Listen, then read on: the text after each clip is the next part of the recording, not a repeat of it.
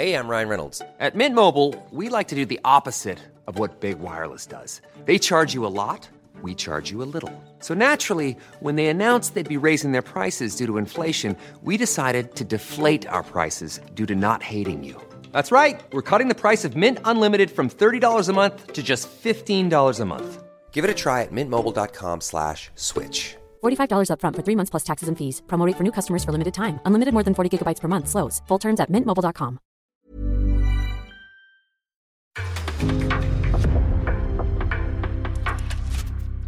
En podcast från Aftonbladet. Vi har en intensiv vecka att gå igenom för det skrällde i England, blåste runt Lindal och brottades i Eskilstuna. Eller? Ja, det där ska vi ta och diskutera och dessutom så ska vi kolla läget i Kristianstad. Det hade kunnat gå åt helvete. Men instinkten och känslan sa att det var rätt och då ska man bara testa det. Jag har väl alltid varit ganska flexibel i mina val när det gäller att kasta till folk från olika positioner och ibland har man fått kritik för det. Det får jag säkert inte idag. Mm, mer från eh, norra Skåne blir det. Dessutom så eh, sitter en bekant röst och väntar på att vi ska ringa upp. Så vad väntar vi på? Nu sparkar vi igång.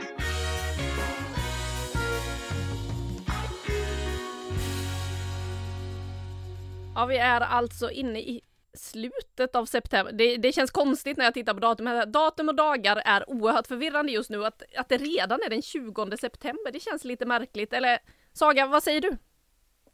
Jo, men jag håller med dig. Jag har ju knappt koll på vilka dagar det är på veckan. Alltså så här, jag måste alltid dubbelkolla de där bitarna. Så att, att vi är inne i september och det börjar rulla in i rejäl Champions League vibes eh, på alla håll och kanter. Det känns lite chockartat.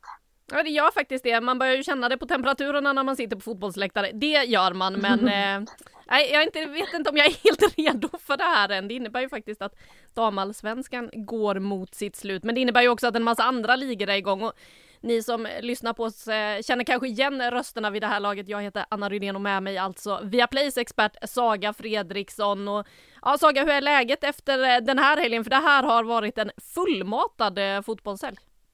Jag älskar också att vi alltid säger det som surprise, att det är en fullmatad fotbollshelg. Det är liksom det vi lever för. Eh, men ja, det har varit helt otroligt eh, mycket matcher och eh, både du och jag har ju avverkat damallsvenskan och Women's Super League framför allt. Så att det har ju varit en fröjd att hänga med på. Ja, så kanske inte helt oväntat så kommer vi grotta ner oss i båda de här ligorna under avsnittets gång. Vi ska givetvis även snacka Champions League-kvalet som ju körs igång den här veckan och eh, där kan vi väl eh, flagga lite extra för att er, eh, för er som vill se Rosengård och Häcken på deras äventyr så sänds de på Sportbladet. Man behöver ett plusmedlemskap för att kunna se de här matcherna, men alltså både bortamatcherna som man inleder med nu på onsdag och hemmamatcherna, returerna nästa vecka kommer att gå att se på Sportbladet. Men med det sagt så ska vi gå in på snabbfrågorna och eh, Saga, vad är då eh, det snyggaste du har sett i veckan? Alltså jag får nog sträcka mig så eh, galet långt till Vittsjö och säga att Rantalas mål är något av det snyggaste jag sett eh, det här året. Eh, bara för hur hennes mål kommer till. Alltså bollen spelas nästan till bakom henne. Hon hämtar upp den, ett tillslag ganska långt ut och drar den i bortre hörn bakom Kajsa Andersson. Alltså det är så snyggt. Sen hade ett, en kan dra till, men jag får ändå hålla mig till den för jag tycker, alltså det var hela uppbyggnaden av det målet var, ja, det var så jäkla bra. Jag blir ändå nyfiken på vad din andra kandidat är. Ja men det, då är det ju eh, avgörande Marika Bergman Lundin. Eh, alltså den spelaren kan typ bara göra snygga mål. Det känns inte som hon någonsin har gjort ett sånt där fjuttmål utan det här året har det varit kanonträffar.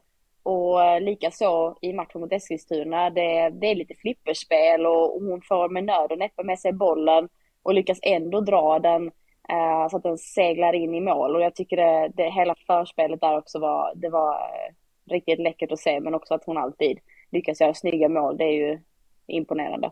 Ja, det är också en förmåga att ha. Det hade man gärna haft, att allting man gjorde bara var sådär snyggt som Marika Bergman Lundins mål är. Eh, den turen har man kanske inte i livet. Nej, nej. Vi går vidare till fulaste då. Där fastnar jag. Alltså jag, jag är verkligen så här, vad kan det vara? Har det varit någonting som har varit så här riktigt jag, kan, jag, ärligt talat, jag har ingen jättebra kandidat för detta. Nej. Har, har du något på lut där eller? Nej, jag tror inte heller det. Det känns som att det har varit en ganska välspelad omgång, men eh, ja, det kanske är någonting som vi ska komma in på, så vi kan väl hoppa dit då, för eh, det har ju varit så att eh, en del har reagerat på att de tycker att det har varit lite fult spel i veckan och eh, ja, stundtals så var det ganska mycket gnäll i matchen mellan eh, Eskilstuna och Häcken. Det var mycket känslor nere på planen, det märktes att det var en match som betydde mycket för båda. Och eh, ja, vi kan väl ta och lyssna på hur det lät framförallt i Eskilstuna-lägret efter. Det var då domarna man var absolut mest besviken på. Vad som är dåligt, Ja. det är att det är brottning där ute och de kan inte döma. Så du är irriterad på domarna? Ja, men också på, på resultatet såklart. Ah, Det är känslor. Jag vet inte om man kan få kort i en intervju efter, men alltså jag har grejer som jag tänker som jag skulle vilja säga. Eh, och jag tycker att det är eh, jättekonstigt att det är samma huvuddomare som vi har förra matchen som kommer hit igen. Ehm, jag eh, är inte fullt medveten om de här reglerna men jag förstår inte hur det kan hända. Vi tyckte att det var dålig kontroll då. Ehm, nu är det lätt att tolka mig som att det är en 5-2 torsk förra matchen, 2-1 torsk. Det är inte hennes fel, det är absolut inte det jag säger men Ehm, det är liksom ingen eh, det är ingen mysig atmosfär. Alltså vi, om vi ska ha en hög nivå så måste domaren eh, klara av att det är mycket eh, liksom, snack. De gnäller, vi gnäller, ehm, vi smäller, de drar. Alltså, men det är noll kontroll från domarteamet tycker jag. Ehm, jag är jättebesviken på det. Ja, där hörde vi alltså Elena Sadiko, tränare i Eskilstuna först och sist eh, Felicia Rogic, eh, lagkapten för Eskilstuna i den här matchen. Vad tänker du kring eh, domarnivån, Saga? Um, jag tyckte i början av den här säsongen så fanns det alldeles för mycket så här questionable decisions som jag kände att det här börjar spåra. Men jag tycker att nivån har höjts.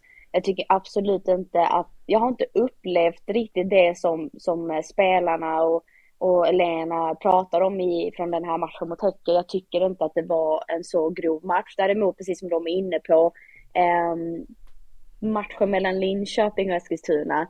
Eh, vi gjorde ju den ihop Anna och det, där kände jag väl mer att eh, om inte de tar tag i detta nu så kommer de skada sig riktigt grovt. För det, det, det smällde på rätt bra i första halvlek framför allt. Och då, det är klart att det för allt det handlar om, om spelarnas säkerhet och då, då kände jag väl att det här kanske går lite på fel och Det tyckte jag också blev bättre i andra halvlek så att eh, nej, jag, jag, jag kan inte säga att den här omgången på något sätt har fått mig att reagera på varken domslut eller, eh, eller att det har varit eh, liksom, riktigt grova frisparkar som inte har dömts. Eh, det, det håller jag inte riktigt med om. Nej, Det som eh, jag kanske framförallt reagerade på i Eskilstuna-Häcken-matchen, det var ju, men det var också lite för att jag vet inte vad Lindvikius fick sitt gula kort för efter att hon hade fått en smäll inne på planen så pratade hon med domaren, hon får ju den för snack. Jag vet inte vad hon sa. Känslan när jag såg tv-bilderna, för jag jobbade ju med den här matchen då, var att det såg ut som att hon lite protesterade mot att hon skulle behöva kliva av typ eh, med tanke på att det hade varit medteam inne så ska man ju göra det. Eh, och hon fick gult kort precis innan hon klev av.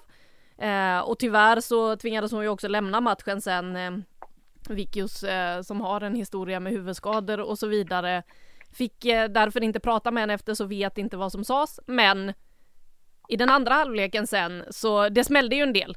Eh, både Elin Rubensson och Filippa Kurmark bland annat i Häcken blev liggande.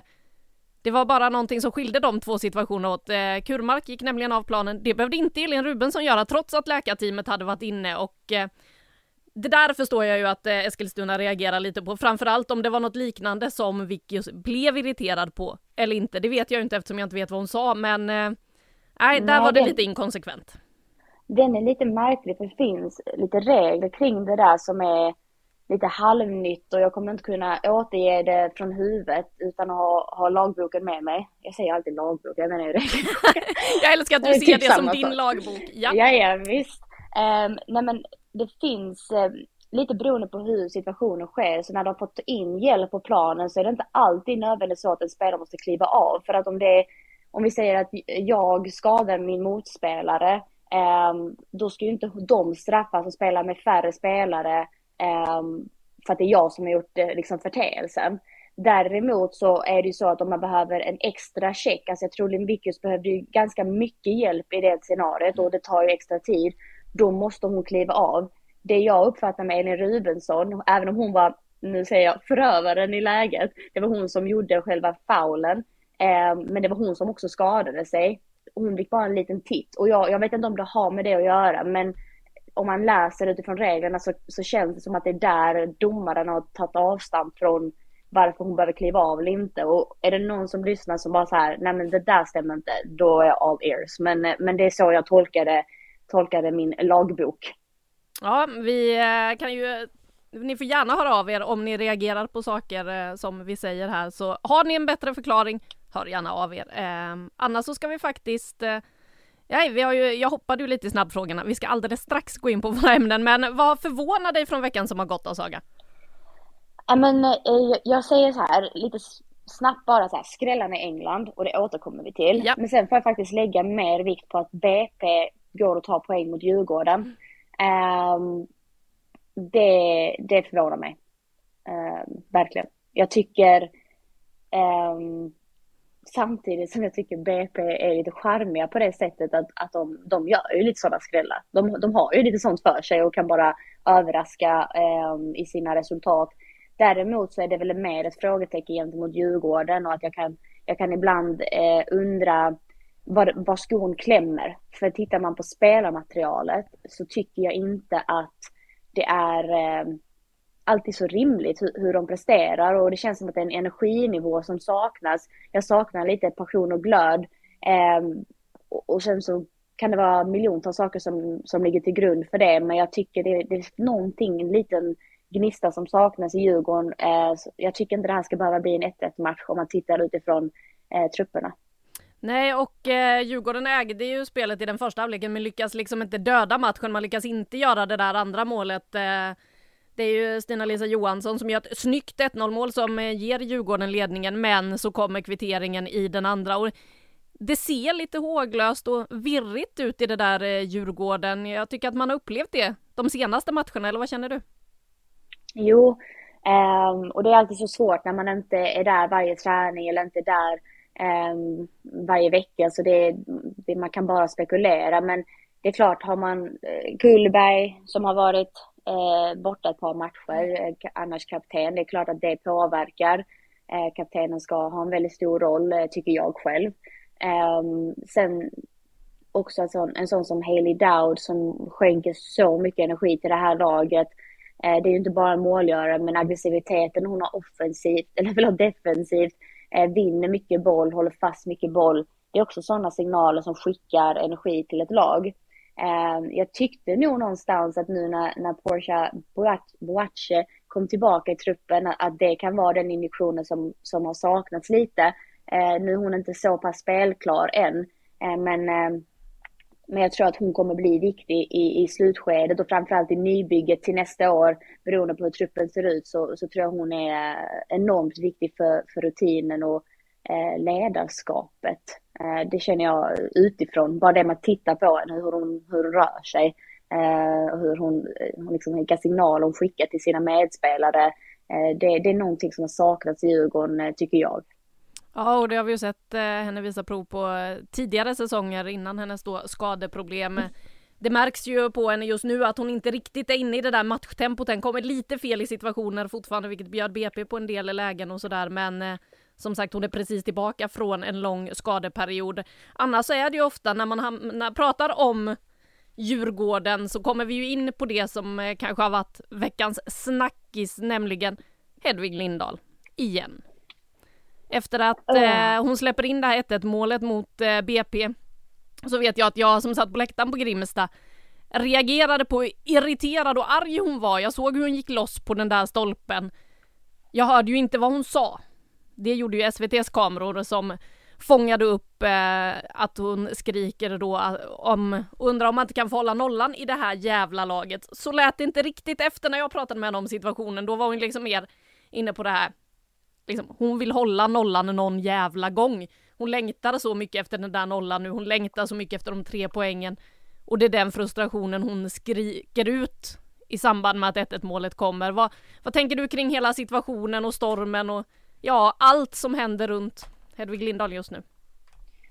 Uh, ja, börjar man med allt som händer runt Hedvig Lindahl så är det ju bara att det är jag tycker att det är så, så jobbigt att se att en så meriterad spelare som, som har gjort så mycket för svenska landslaget och så hamnar i sånt blåsväder var och varannan vecka. Ehm, så här, jag eh, har uppfattningen, om, jag känner inte Hedvig privat, men jag har uppfattningen om att hon är otroligt stark mentalt. Men att få så mycket mot sig som hon har fått de senaste veckorna är, eh, och den kravställningen också som finns kring henne, för, och med all rätt, kravställning tycker jag det ska finnas, men, men hur det hanteras kring eh, men, både supportrar som har brusat upp och, och, visar vad de tycker, men alltså hon får så mycket mot sig just nu. Jag tycker det är eh, rätt jobbigt att, att följa. Eh, hur hon uttalar sig på matchen, så här, alltså man, man, är inte jätteklok när man spelar, när man spelar match. Alltså man, jag tänkte säga, har du någon man, gång sagt något olämpligt på en fotbollsplan? Nej men alltså det händer ju absolut. Alltså, man är inte Guds bästa barn där liksom. Och, och, jag tror att man måste ha med sig att i stundens hetta så kan man skrika ut saker och precis det du du formulerar om det eller hon gjorde det. Du bara sa hur hon sa det. Ja. Um, men när hon säger jag vill bara hålla nollan för laget. Mm. Men i stundens hetta så säger hon det som att det är i princip laget som är bördan. Och jag tror att det är bara frustration det handlar om. Det handlar inte om att det handlar inte om laget i sig, utan tänk dig att komma tillbaka, ha så höga förväntningar på dig och sen ska du, så kan du inte hålla nollan en enda match sen du har kommit tillbaks. Alltså det, det tar ju, alltså det tar ju på, på både psyke och prestation och självförtroende jag eh, kan förstå att frustrationen finns och jag tycker man får komma ihåg att det är en människa bakom alla de meriterna. Och att det faktiskt är så att man, man ibland säger saker som man, man eh, helt enkelt inte menar. Ehm, och det, det är bara så, man kanske inte förväntar sig det av henne just. Förstår du vad jag menar? Att man kanske tänker liksom att hon som är så samlad borde väl eh, kunna hantera det bättre. Men, men det är också så, återigen, människan bakom allt det där som, som vi andra bara kan se utifrån. Eh, det får man inte glömma och, och eh, då hoppas jag ju såklart att hon får fin stöttning från både lagkamrater och, och eh, föreningen, klubben, för att eh, det är en lagsport vi, vi alla håller på med. Så det, det, hon ska ju inte stå ensam i, i den fighten. Eh, jag kommer att tänka lite också på, för det här blir ju en stor grej i och med att det fångades upp av kamerorna, såklart.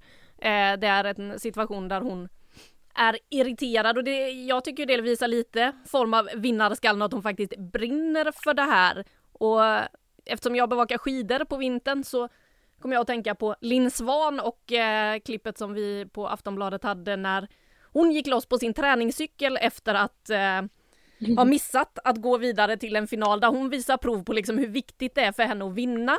Ett klipp som hyllades på många håll att eh, liksom, ja men vad härligt att se de där känslorna, det är det där idrott handlar om, idrott handlar om känslor och att man kanske får komma ihåg det där lite också att det visar någonstans att man brinner för det man håller på med. Men gud ja, alltså det är ju, det är ju hela grunden i det här och hade hon inte brytt sig och det, det var någonting jag flaggade för ganska tidigt när hon kom tillbaka eh, i våra sändningar att, att det viktigaste när man kommer tillbaka till damallsvenskan att man inte ser det som att jag ska eh, ja, men runda av karriären utan det, det är en väldigt competitive liga som då eh, måste hanteras därefter och, och, och man, man tror att man kan komma tillbaka och säga lätta hammaren så tror man nog fel. Och jag tror inte Hedvig tror det.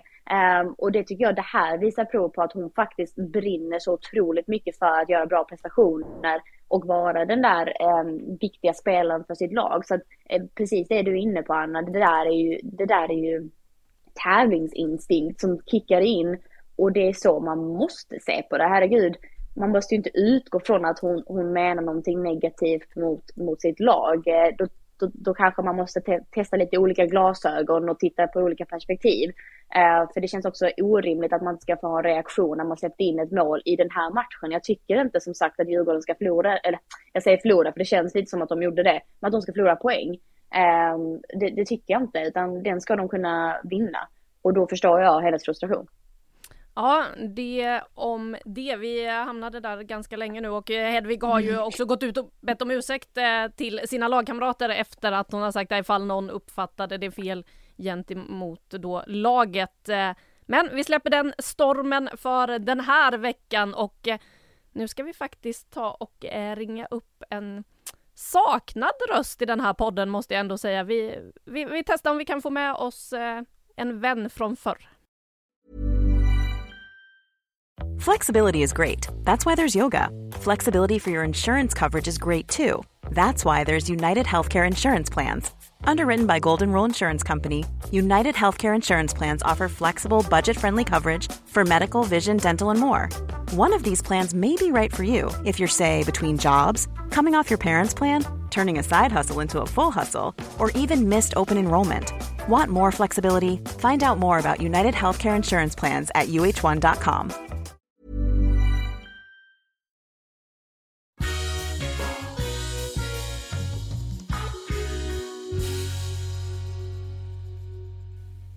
Välkommen tillbaka till FAM plus Frida Fagerlund, hur är läget?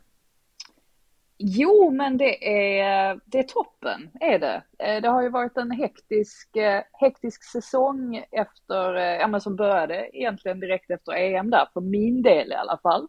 Så att jag ser fram emot lite landslagsuppehåll för, för herrarna nu så att man kan få tid att andas lite grann i alla fall och så kan man fokusera desto mer på Women's Super League då istället. Ja visst är det härligt att eh, den ändå har dragit igång nu för du kastades ju rakt in i Premier League-torktumlaren efter EM där men nu är Women's Super League igång också och eh, hur var det att få gå på premiär? Nej men det var, det var jättekul var det. Jag skrev det också i eh, min text där efteråt att det är lite grann som att komma tillbaka efter sommarlovet äh, till, till skolan då det är ju samma folk som har suttit där sedan man eh, själv började bevaka fotbollen här borta. Och eh, gamla fina Boreham Wood som, ja, det är inte mycket för världen, Meadow Park, men eh, det finns någon sorts charm över det också, att det inte är en, en jättearena. Så att, nej, en trevlig kväll och det blev ju, jag tänkte säga det blev bra för svenskarna, det beror ju på hur man ser det, det blev bra för tre av svenskarna den kvällen och eh, två då som inte var riktigt lika nöjda. Eh, och um, allra mest missnöjd kanske ändå Emma Kullberg var då. Vi pratade såklart om Arsenal Brighton. Kullberg får ett rött kort eh, och hon var lite irriterad där. Eh, för skulle det inte varit offside innan eller vad, vad säger du om situationen Frida? Jo, jag måste säga att hela den här helgen då så har man sett väldigt många dåliga beslut från linjedomare. Och då det första kom ju här då att Stina Blackstenius var offside och känslan var när man såg det i realtid att hon var det. Och det visade ju också reprisbilderna att jo, hon, eh, det, det, ser i alla, det såg i alla fall ut som att hon, hon absolut var offside och det var ju det Brighton-spelarna försökte hävda också då efter att hon hade blivit klippt vid hälarna av Emma Kullberg. Men utan VAR så eh, kan man inte göra någonting åt det så att Emma Kullbergs säsongspremiär tog ju slut där redan efter sju minuter.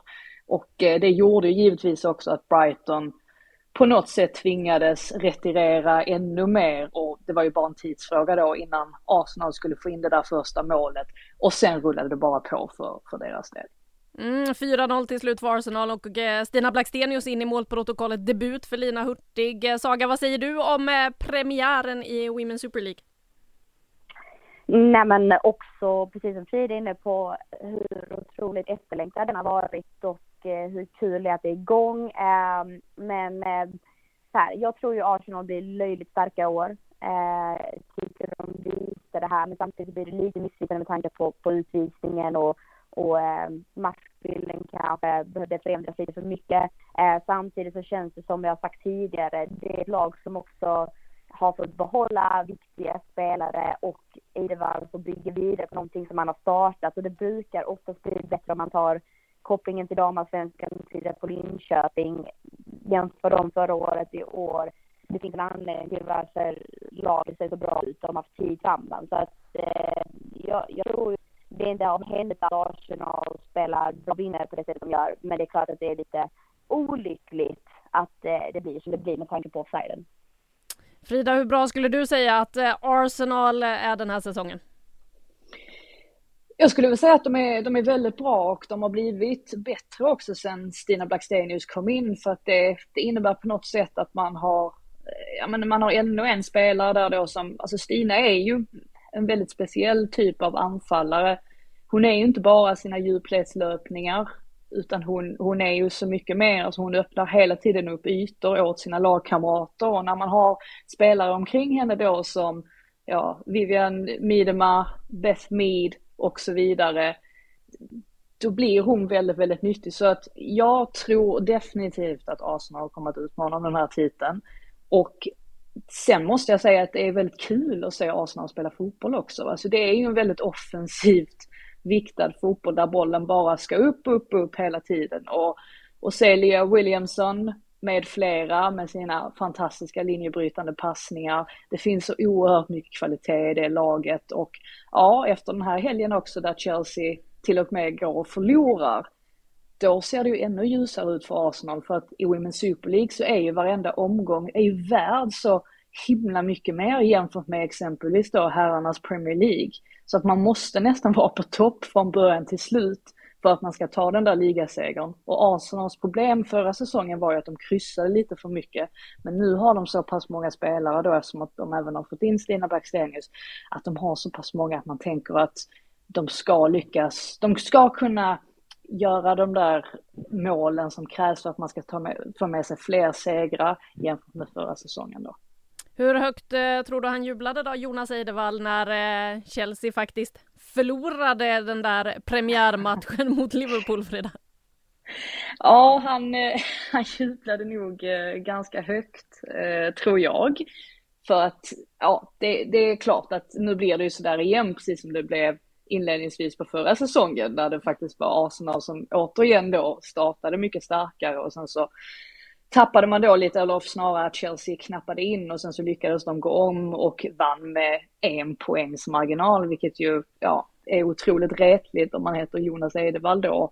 Han var ju väldigt nöjd med, med Arsenals spel överlag. Jag pratade med honom efter matchen och det enda var väl att han tyckte att de slog bort lite många onödiga bollar, onödiga passningar. Och det kan man väl också förklara med att det är en premiär. Och det var som Stina Blackstenius sa att ja, man är ju lite ringrostig, kanske lite premiärnerver också. Så att ja, som, eh, som Arsenal-supporter så, så mår man ju inte jättedåligt just nu när man ser hur, eh, hur bra det går för hela klubben egentligen. Med, med det sagt så har ju Chelsea en otroligt bred trupp så att man kan ju definitivt inte ja, bara vifta bort dem nu trots att de väldigt, väldigt oväntat föll mot Liverpool.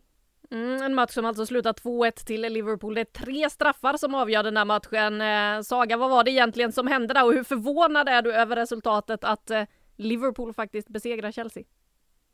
Otroligt förvånad eh, såklart. Eh, jag har tittat på straffarna. Jag tycker de är korrekt dömda alla, alla tre. Um, så att det, det är inga konstigheter. Däremot var jag förvånad över hur lite Chelsea egentligen skapade med tanke på vilka kraftpaket de har till spelare. Alltså det är otroligt tekniska, otroligt aggressiva, men det kändes som att de var lite håglösa i sitt eh, spel och, och, kanske inte riktigt straffade Liverpool som man kanske förväntar sig. Um, så, så det var väl det som var mest förvånande.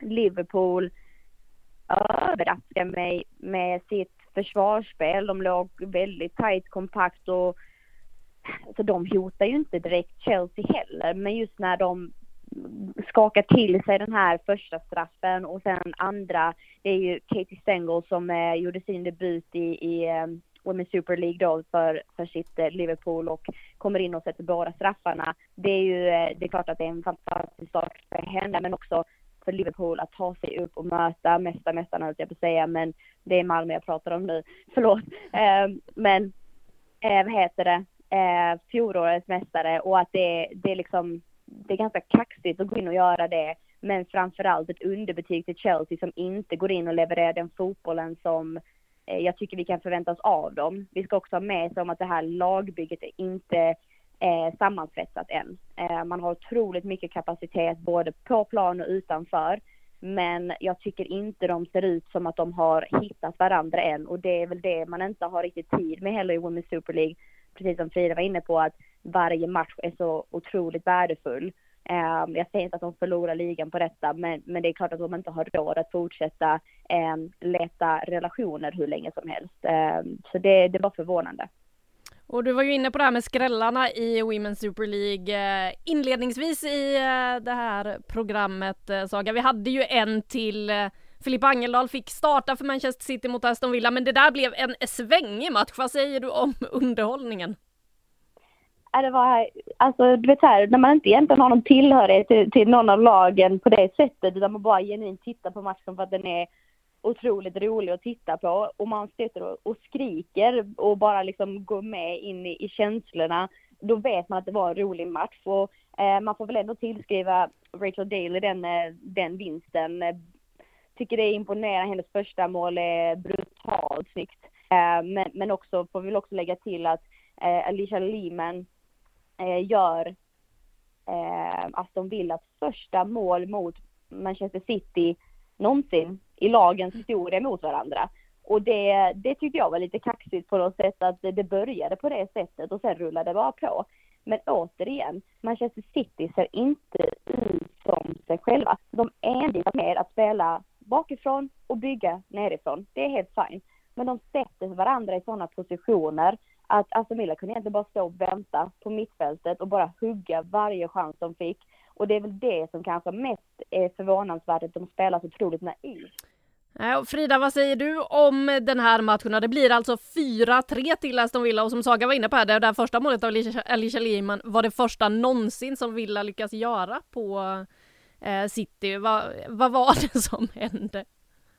Ja, det är säkert en del som har kanske inte tippat Villa i botten, men som har tippat dem väldigt långt ner i tabellen. Så att här klev ju verkligen Daley in omskolad från vänsterback till striker. Den såg man inte komma och gör också två av målet. Äh, det, var, det var fantastiskt intressant och Gareth Taylor då, Man Citys tränare, han har ju ett jätteproblem här i och med att de har tappat så himla många spelare. Alltså det är ju det är ju Lucy Bronze och det är Ellen White och sen så är det framförallt då Kira Walsh och eh, Georgia Stanway. Så det är många spelare här som han måste ersätta på något sätt och nu försökte de väl, alltså just den här Kira Walsh-rollen gick väl lite, lite grann till Alexandri men med tanke på att han, han bytte ut Filippa Angeldal direkt efter paus så kan man väl tänka sig att ja, de har en del att göra där. Och Man City är ju ett av de lagen som ska ja, men kunna i alla fall utmana om Champions League-titlarna. Jag tror väl att de flesta tror att det kommer stå mellan Chelsea och Arsenal och i min värld så är Man United mer av en dark horse nu än vad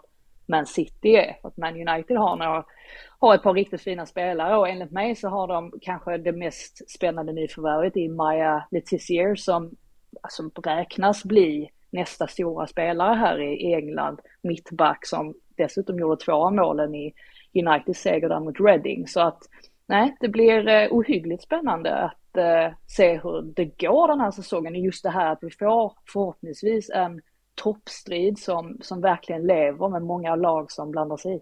Vad säger du om Filippa Angeldal då?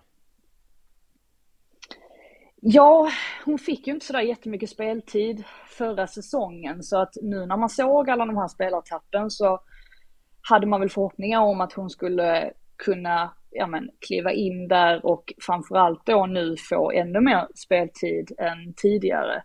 Vi får väl se hur, hur säsongen utvecklas. Vi vet ju allihopa, särskilt vi som följer svenska landslaget, att hon har en jättehög kvalitet i sig och hon kan slå de här passningarna från ingenstans där man tänker hur kunde hon ens se den där passningen.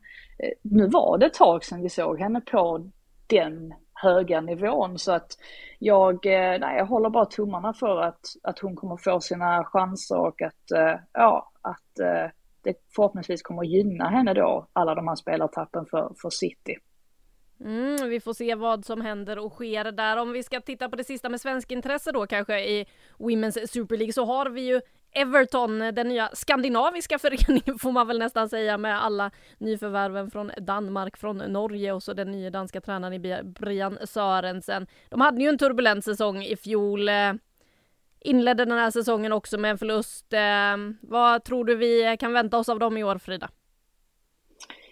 Ja, alltså de flesta förväntar sig, inklusive jag, att de kommer göra bättre ifrån sig. Men då var det ju inte, den här starten som de fick mot West Ham var ju inte speciellt lovande då i och med att de gick och förlorade den matchen. Alltså Everton har ju ett, en trupp som, som överlag är väldigt stark. Nu har de ju tränaren där, Brian Sörensen, eh, som förhoppningsvis ska kunna få ordning på ja, men allt det som, som inte fungerade då förra säsongen och anledningen då till att man inte fick ut allt av alla dessa nyförvärv. Så att ja, jag förväntar, jag tror inte att Everton kommer, kommer åka ur. Jag tror kanske att de kommer hamna någonstans i mitten för att ja, de är i alla fall så pass bra att de definitivt inte ska vara med nere och slåss i någon bottenstrid som de ju var då förra säsongen.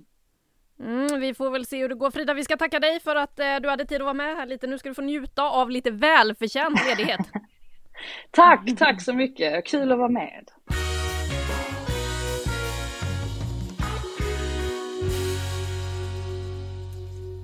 Ja, och Saga, när vi har släppt iväg Frida här nu på äventyr så en sista fråga om Women's Super League bara. Vad är dina intryck och känslor efter den första omgången nu när Women's Super League äntligen är igång?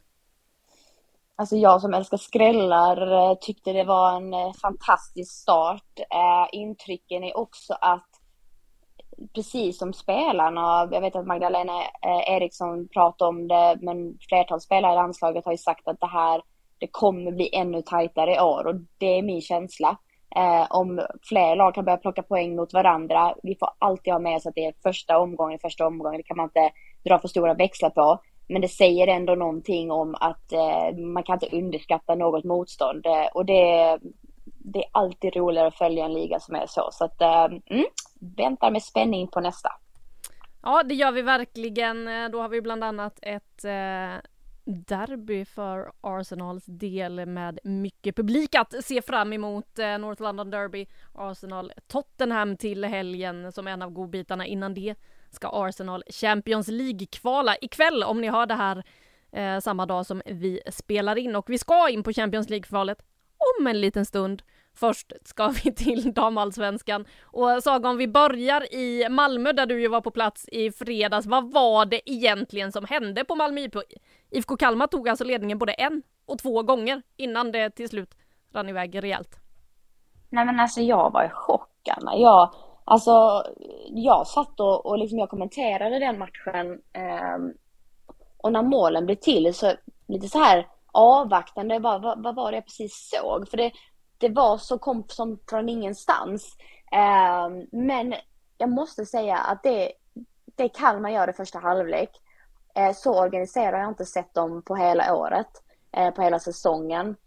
Framför allt tyckte jag det var ett skede när de, tapp, när de vann boll där de istället för att slå den liksom direkt upp till sina forwards så fanns det en avlastande passning först. Vilket gjorde att de kunde ha med sig lite fler folk offensivt och de kunde, välja rätt ytor att ställa om på. Um, för det, det, är ju lite så, jag tycker man pratar om omställningsfotboll ganska fult ibland, precis som att det inte är genomtänkt utan det är bara tjonga upp bollen. Det är inte det, utan man måste ha en tanke bakom, det måste finnas en tydlig löpning och en yta man söker. Och det tyckte jag att Kalmar lyckas så himla bra med i första halvlek. Det som händer i andra är ju att de blir trötta. De släpper igenom och tillåter Rosengård göra det de är väldigt skickliga på. Eh, men, men man får väl ändå säga att Rosengård underskattar Kalmars kapacitet lite för mycket i första halvlek. Jag tycker inte de vinner tillbaks bollar tillräckligt snabbt. Eh, I målsituationerna så är de direkt passiva i eh, både in... Ja, det var något inlägg där som jag tycker de borde kunnat förhindra. Eh, men också täckning i boxen var inte tillräckligt bra. Eh, Viola Nambi, alltså vilken spelare hon är. Hon kom in och presenterade sig eh, igen får man väl säga. Eh, och jag tycker hon eh, verkligen är den injektionen som Kalmar behöver för de kommande och sista matcherna här i, i damallsvenskan. Mm, IFK Kalmar som ju är indragna i bottenstriden eh, lyckades ändå skaka om lite där eh, men Rosengård vinner ju till slut med eh, hela 6-2. Ett hattrick av Karin Lundin i den där matchen. Ehm, vad tänker du om att, man, att Karin får den där islossningen som vi kanske inte riktigt har sett tidigare? viktig för henne framför allt. Ehm, man får utgå från att Rosengård har värvat för att de tror på henne. Eh, men det är klart också att de också värvat många spelare som just nu sitter på bänken. De startar alltså inte. Och, och det är av lite olika skäl säkert. Men en del är det att man inte tycker att de kanske har eh, nått upp till den fitnessnivå som behövs. Eh, för, för vissa matcher så att säga. Eh, men att Karin Lundin nu kommer in och gör tre mål eh, tror jag stärker hennes aktier framför allt. Alltså jag tror inte det bara handlar om att göra mål. Jag tror det framför allt för henne att kunna sänka axlarna. Att inte känna att hon behöver eh, överbevisa sig utan hon är där av en anledning och, och det är därför de har plockat in henne. Men att hon får göra de här målen gör ju såklart att hennes eh, hennes beslutsfattning kommer vara ännu bättre tror jag. För när man är, jag tror att, nu spekulerar jag lite för jag har aldrig spelat eh, striker, men jag kan tänka mig att om man är inplockad för att göra mål och du har det som, ett litet, eh, som en ryggsäck på axlarna hela tiden. Eh, när du fått göra de målen så behöver du inte forcera någonting utan du kan hela tiden ta rätt beslut för att du är lugn och harmonisk. Det är ungefär som att spela golf tror jag. Man, man behöver liksom, man ska inte övertänka utan man ska bara låta kroppen göra jobbet. Och, och lite där tror jag det är samma sak för, för anfallare, att de ska bara eh, spela glädjefullt och det tror jag man, man gör när man har gjort tre mål. Mm, och samtidigt som den här matchen spelades eh, så spelades det ju en toppmatch i Kristianstad också där eh, jag var på plats och vi kan väl säga som så att eh, Kristianstads eh, tränare Elisabeth Gunnarsdottir, hon har ju varit med ett tag. Hon hade en hel del huvudvärk inför den här matchen. Det var Hammarby som var på besök, så innan vi snackar om matchen här i studion så ska vi faktiskt göra ett eh, litet nedslag i Kristianstad.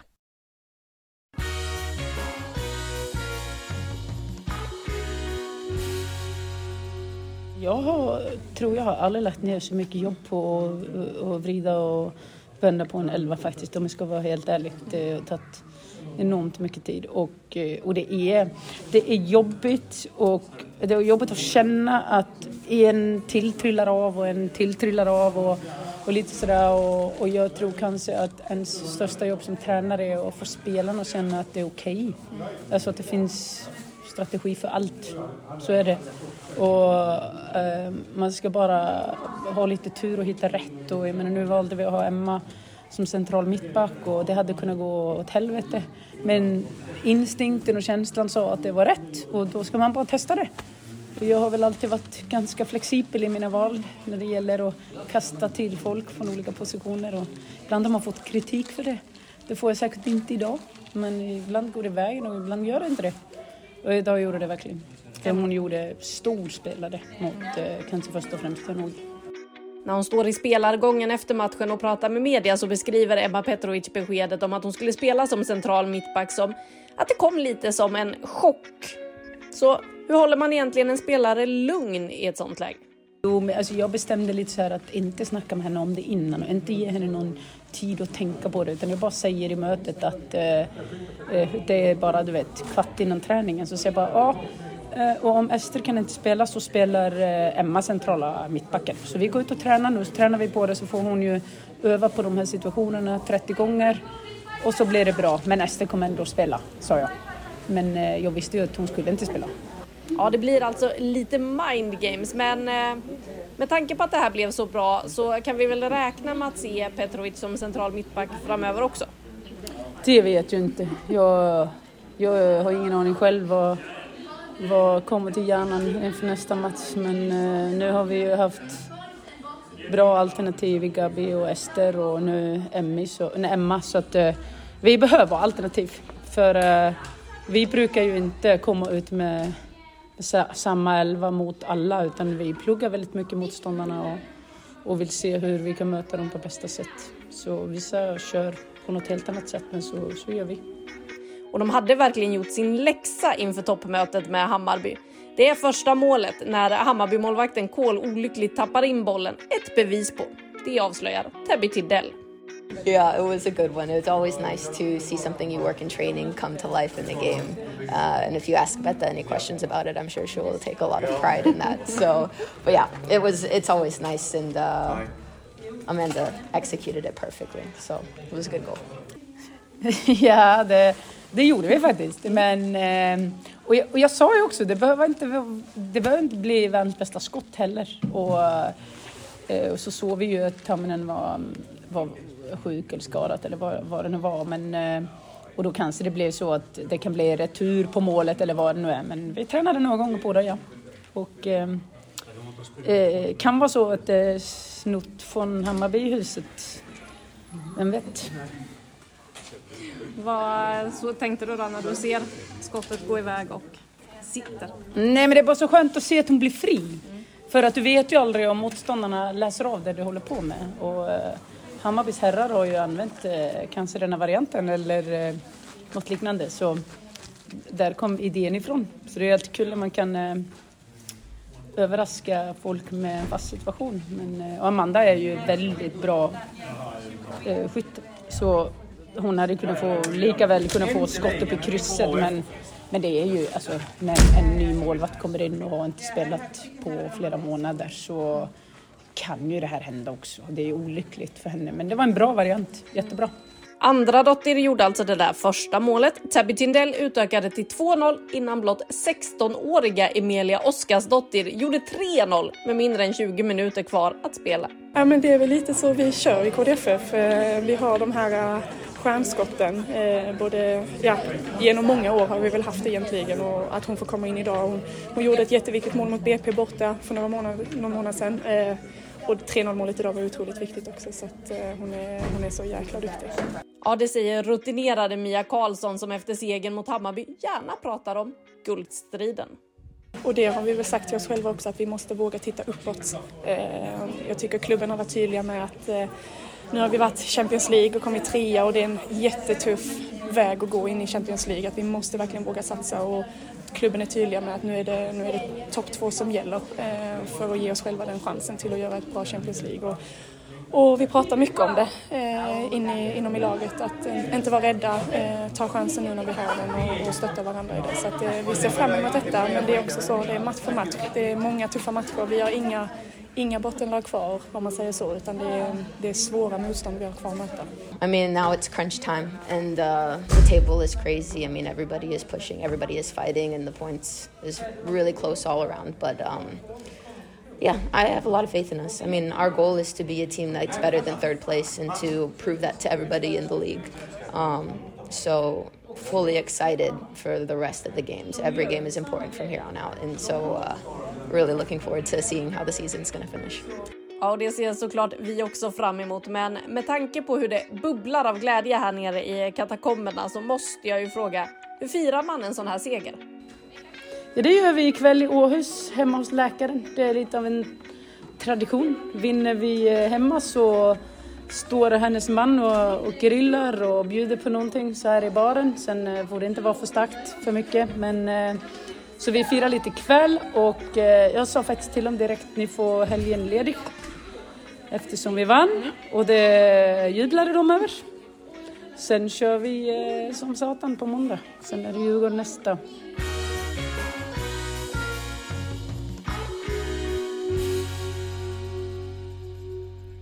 Ja, Saga, vad tänker du när du hör rösterna från Kristianstad här och eh, Betas huvudvärk?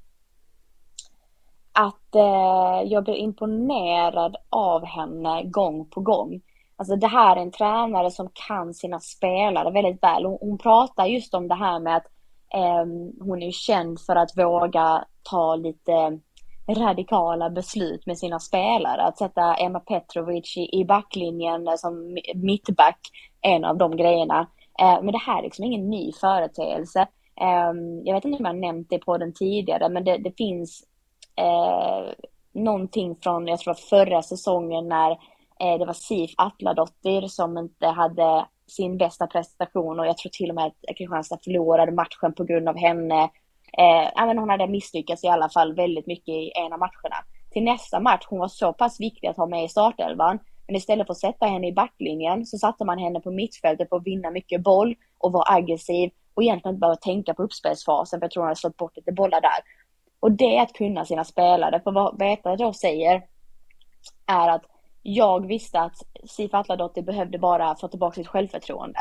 Så jag vill inte utsätta henne för det momentet som hon har eh, på något sätt eh, liksom misslyckats i. Utan bara kunna sänka axlarna och göra det hon är riktigt bra på. Och det är vinna boll och det var den matchbilden som var då omgången efter. Och det är, det är coaching för mig. Att man eh, vågar tro på förändringar. Sen ska man inte göra för mycket förändringar, man måste ändå ha en stomme. Men det är ett jättekvitto att hon kan göra förändringar och laget ändå lyckas. Ja, och vi får väl se. Hon är ju inne här på att eh, startelvan kommer förmodligen inte se likadan ut i nästa match. Nu är det Djurgården som väntar och eh, ja, de här problemen de fortsätter ju också för det är ju så att skadelistan är lång för Kristianstads del. Eh, Kristianstadsbladet har listat eh, så sent som idag hur läget är då inför Djurgårdsmatchen. Vi har Kila van den Bulk, lagkaptenen. Hon blir borta resten av säsongen, kommer att opereras den här veckan. Eh, det är frågetecken kring, kring Gabriel Karle, det är frågetecken kring Easter Keith, det är frågetecken kring Emmy Alanen och man har även Kajsa Törnqvist på den här skadelistan. Det är alltså fem spelare som finns på skadelistan som eh, Beta inte riktigt vet eh, hur läget är med. Det som är säkert inför helgens match det är att van den Bull, Kale och Törnqvist definitivt kommer missa den. De hoppas på Meji Keith och Emi Allanen. superproblematiskt eh, med tanke på ambitionerna som finns i klubben och eh, just det här att nu räcker det inte att vi bara kommer trea, nu måste vi komma tvåa, den attityden, eh, vilket jag tycker är helt res rätt resonerat, men, men eh, det är problematiskt, alltså här, även om, om Gunnar kan trolla så, så kan hon nog inte trolla så mycket och jag tror att man får ha eh, ha med sig det i, i beräkningarna framåt för de har ju ett, ett så intressant schema trots allt. Så att eh, mm, den blir intressant att följa av många aspekter tycker jag. Dels hur, hur, hur de kommer ställa upp, det är väl det första. Vi brukar alltid vilja tippa vilka startelvor de här lagen brukar ha men eh, nu tror jag det är desto svårare för alla, alla inblandade.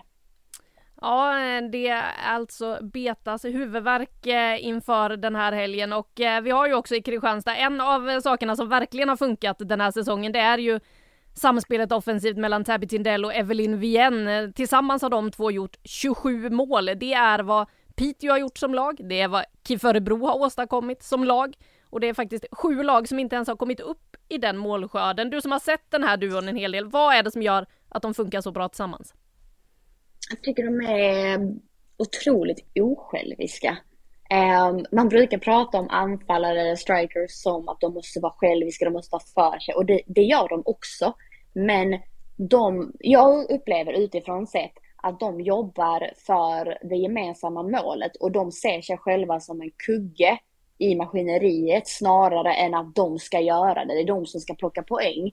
Ehm, jag ska verkligen lägga till att det här, är min, det här är min åsikt och min bild av dem, inte någonting som de själva sagt eller någon annan sagt, utan jag med hur de arbetar på planen talar för att de förstår att det handlar om hårt arbete både i pressen, alltså försvarsspelet, men också finns ett läge att passa min medspelare så kommer de göra det, för då gör hon ett bättre, enklare mål än om jag ska testa skjuta själv. Och det är den osjälviska mentaliteten som jag tycker har funkat mellan dem, för de har inte haft någon prestige i att, ja men vi pratar mycket om att Vens eh, började den här säsongen med att bara assistera Tabby Tindall. Men nu har Vens ja, börjat gå lite mer på eget bevåg och, och börja skjuta mer och, och gör också mer mål. Men inte på bekostnad av att, att eh, någon annan ska göra mål. Och, och det tycker jag vi ser, ser mot Hammarby också när Oskarsdottir får en eh, passning från Tyndall. Tyndall hade mycket väl med sin snabbhet kunnat peta den och springa och försöka skjuta. Istället spelar hon en passning och låter Oskarsdottir, eller låter och låter, men ger henne möjligheten att eh, ta ett avslut och gör då eh, gör mål.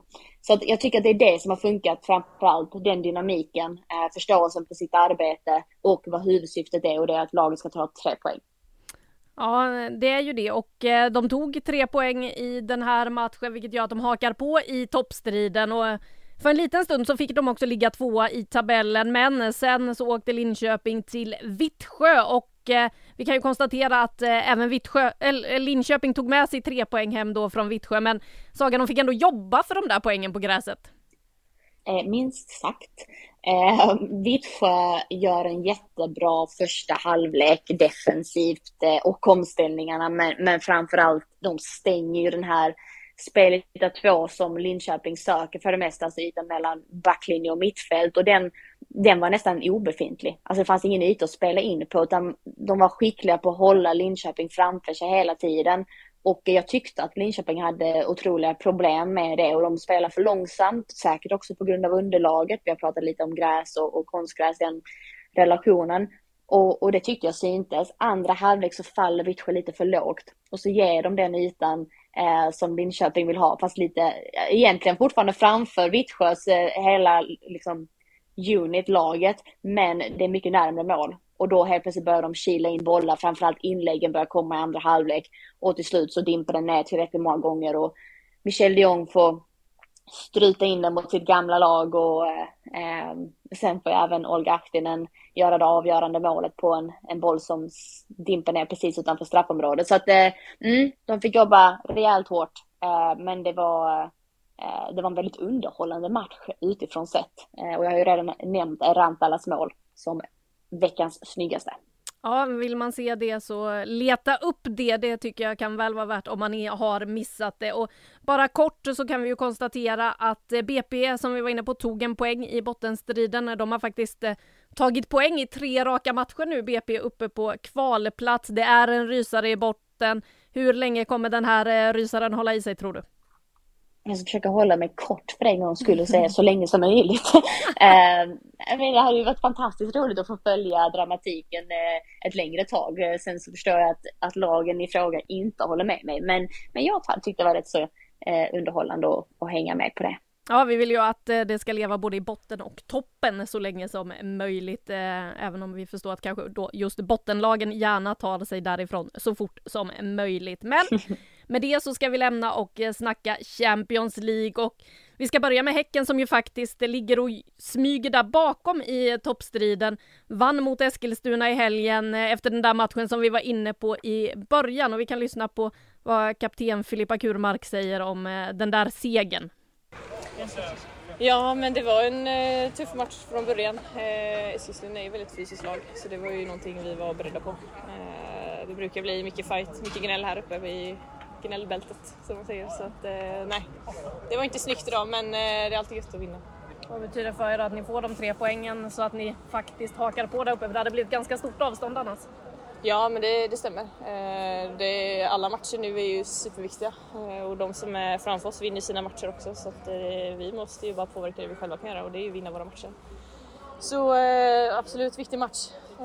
Och sen nu på onsdag då, in i Champions League så ja, det är fullt ös, mycket matcher. Det är hyfsad vecka ni har framför er. PSG först borta, sen BP hemma och sen PSG Ja, det är ju verkligen två helt olika motståndare om man säger så.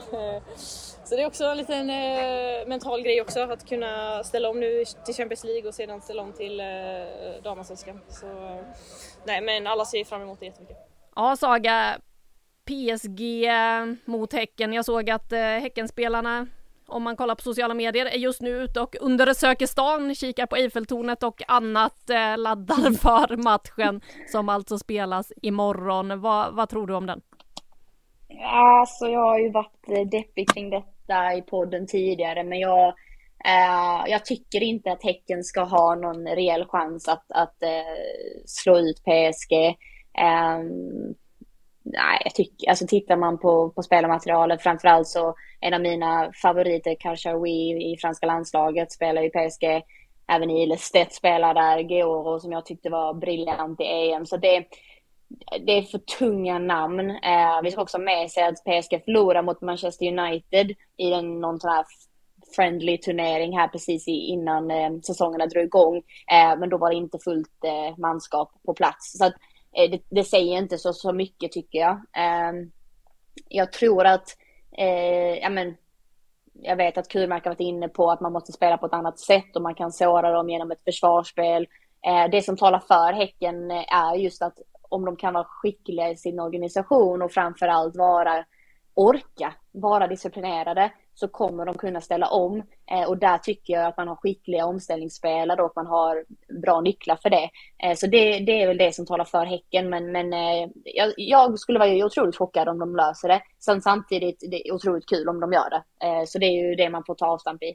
Kan det på något sätt gynna Häcken att det återigen stormar runt den här franska storklubben? För det är ju så att eh, Aminata Diallo har gripits än en gång efter den här misshandelshärvan som det ju stormade en hel del runt eh, med Hamraoui i fjol. Eh, påverkar det liksom spelartruppen? Är det någonting som på något sätt kan gynna Häcken? Ja, absolut, det är en jättebra poäng för att eh, det är eh, det är svårt att undgå drama som sker i ett lag och i en, i en trupp. Det är, eh, som spelare kanske du individuellt kan gå in i det själv och göra en bra prestation men, men om det börjar uppstå eh, grupperingar eller att den ena, eh, några lagkamrater, eh, du vet, sätter en sida mot den andra, eh, då har man jätteproblem. Så, så jag utgår ju från att de, de har löst det internt, men att det stormar och att det är de här rubrikerna, mm, då, då är det nog ganska känsligt eh, läge. Sen, sen har jag ingen, ingen större insikt i det mer än att jag själv hade nog påverkats rätt rejält om en lagkamrat hade både utsatts för det och samt haft en lagkamrat som är Eh, anklagad för att vara den som har eh, råddat ihop det. Så att nej, det hade varit eh, väldigt kymigt. Men eh, det är klart att det talar för Häcken också. Mm, vi får se hur det blir där. Det vi kan konstatera med innan vi lämnar den här matchen är ju att till skillnad från senast mot Eskilstuna så är Anna Anvegård tillbaka i truppen och eh, vi kan väl eh, lyssna med henne hur redo hon är för den här uppgiften. Men det är klart att det är jättekul att vara tillbaka. Eh, det är en jätterolig match att spela. Eh, så att jag känner mig frisk och kry, det, det är jätteroligt. Det ska bli en skitkul match att spela. Du har haft lite problem med, foten, berätta vad det är som har stört dig? Eh, jag fick en smäll under landslagsuppehållet när vi tränade här hemma. Så det är det som jag har sökt komma tillbaka ifrån. Ja. Hur viktigt var det att du fick stanna hemma och rehabba den då nu när laget var i Eskilstuna och spelade i helgen? Eh, nej men det var jätteviktigt. Eh, jag behövde vila den lite. Eh, jag eh, hade spelat många, jag menar spelat liksom eh, efter en smäll jag spelat 90 minuter. Eh, så den var, ja den var lite sliten på det kan man säga. så det var tråkigt att missa matchen men det var nog viktigt för att kunna spela kommande matcher. Och Paris Saint-Germain, eh, internationellt toppmotstånd, hög fart i det laget. Eh, vad ser du som nycklarna för er del? Eh, nej men det är väl att inte komma ut med för mycket respekt. Eh, det är klart att vi ska vara ödmjuka inför uppgiften, det är ett jättebra lag men vi, vi har bra spelare, individuella bra spelare och ett bra lag. Eh, så det gäller liksom ja, men vara med från början eh, och som sagt inte ha fullt så mycket respekt som kan man kanske, att det lätt blir liksom när man möter ett sånt eh, bra lag utan försöka ändå spela vårt spel. Ja, Anna Anvegård där alltså. Vi har ju också Rosengård då som har den på pappret väldigt mycket lättare vägen till Champions League får vi väl ändå säga. De möter norska mästarlaget Brann. Men Rosengård är ju favoriter i den här matchen. Vad tror du vi får se från Rosengård i den här första matchen på bortaplan? Ja, men jag tror att eh, just nu har Rosengård eh, testat lite olika sätt att spela. Vi vet ju redan hur skickliga de är offensivt, eh, oftast ofta sitt 4-3-3. Men de har också visat prov på en defensiv med 4-1-4-1 och det har de spelat ett par gånger det här året. Eh, min känsla är att man kommer börja att vara sådär aggressiva, offensivt lagda Rosengård som vi känner igen. För att Brann är, det, det, är ett lag som kanske inte pressar högt nödvändigtvis utan är inte så kända för det i sin egen liga. Och, och då kan det passa Rosengård rätt bra. Det som Rosengård ofta har fallit på är just när lag har pressat dem högt och de inte kunnat hantera den pressen. Jag tror inte det blir det matchbildet, utan snarare att Rosengård får vara initiativtagande. Men skulle de behöva olika skeden i matchen så kan de alltid formatera om sig och, och vända på, på tre, trion i mitten. Liksom jag har en väldigt tydlig sittande i kanske Knack eller Mia Persson, vem det nu blir. Även Ajinde är skicklig i defensiven där. Så att, mm, det, det känns som att eh, Rosengård kan göra en bättre insats än förra året, har jag sagt tidigare, men, men också att de har olika nycklar för olika matchbilder som jag inte kanske sett tidigare på samma sätt. Och det vi såg från eh, Rosengård i fjol, ja det var ju tufft framförallt då mot Hoffenheim och eh, målvakten eh, Tigan Majka, hon blev ju inkastad direkt i hetluften. Hon kom ju till Rosengård under sommaren där och rakt in i CL-kvalet. Så vi kan väl ta och lyssna vad målvakten känner att hon själv har utvecklat under det här året i Malmö. Hon kom ju faktiskt dessutom från Bergen till Malmö.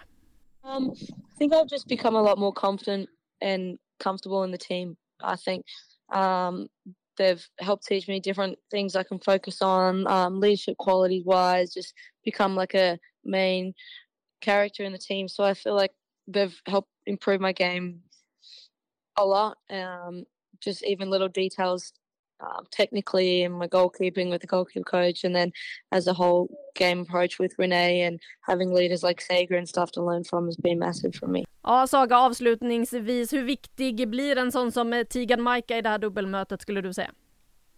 Otroligt viktig. Eh, framförallt om hon kan ta med sig lite, lite secret från sitt gamla lag. Eh, nej, men framförallt hennes prestation. Eh, hon måste äga den där boxen och, och vara en trygghet för, eh, för mittbacksparet tycker jag. Eh, ibland har vi ifrågasatt eh, Rosengårds försvarsspel och, och det är för att de inte alltid utsätts för så mycket sånt i ligan och, och då tycker jag att Maika måste ta kliven där och, och vara, eh, vara giganten i boxen. Så att eh, absolut, det är otroligt viktigt. Mm, och ni kan ju som sagt se de här matcherna på Sportbladet med eh, plusabonnemang. Eh, Saga, det är dags att börja runda för eh, den här veckan. Vi kommer väl prata mycket mer framöver, antar jag. Absolut. Så himla trist när vi måste runda, men jag, jag förstår vet. ändå. Så. Ibland tar tiden slut och vi ska ju avsluta med att ge 5 plus. Det ger vi den här veckan till skrällarna som har varit, de vi redan har behandlat. Det är värt 5 plus, det gillar vi. Jag tackar dig Saga, jag tackar Julia Karlsson, vår kära producent. Vi tackar Frida Fagerlund som hade tid med oss en, en liten stund och framförallt, som vanligt, stort tack till dig som har lyssnat. Vi hörs igen nästa vecka.